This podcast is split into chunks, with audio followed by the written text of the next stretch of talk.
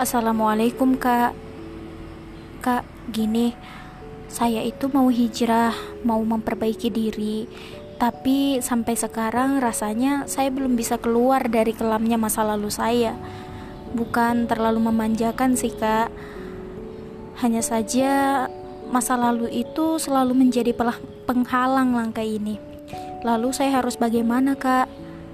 Hmm, gini-gini. Hari ini kamu masih ber bisa bernapas kan?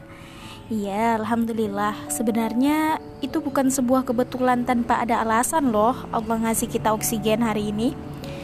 Mungkin saja Allah mau kita buat tutupin semua kesalahan masa lalu dengan perbanyak berbuat baik, perbanyak istighfar, perbanyak menebar manfaat buat orang lain dan pastinya masih diberi kesempatan buat sujud di hadapan Allah.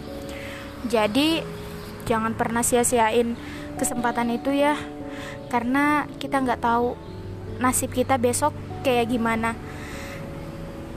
Tapi uh, kita banyak harus banyak belajar sih dari masa lalu. Kadang masa lalu itu bisa jadi guru terbaik kita. Karena dari dia kita belajar bahwa kesalahan yang sama tidak boleh terulang di masa yang akan datang.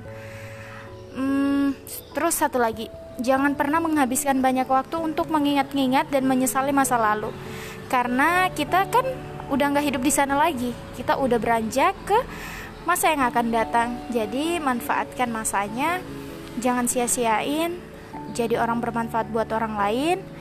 Uh, kalau belum bisa berbuat baik, paling tidak kita jangan merugikan orang lain. Itu aja.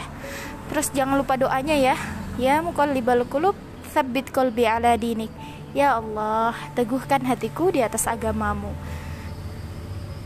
Tetap istiqomah ya. Semoga kita semua dikumpulkan di bawah naungan Allah Subhanahu wa taala dan menjadi asbab manfaat buat orang lain.